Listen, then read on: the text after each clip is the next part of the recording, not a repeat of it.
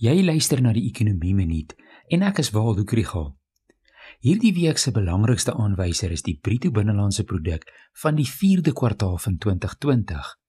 En ekonome hoop dat die ekonomie dalk minder gekrimp het verlede jaar as wat aanvanklik voorspel is.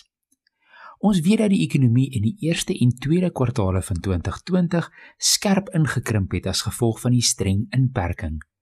Daarna het dit in die derde kwartaal sterk gegroei maar die opswaai in die 4de kwartaal is bepalend vir hoe die ekonomie oor die hele jaar gevaar het. Maandelikse aanwysers het gewys dat die opswaai dalk stoom verloor het. Landbou en mynbou het goed gevaar, vervaardiging nie so sterk nie en kleinhandel het swakker gevaar as verwag.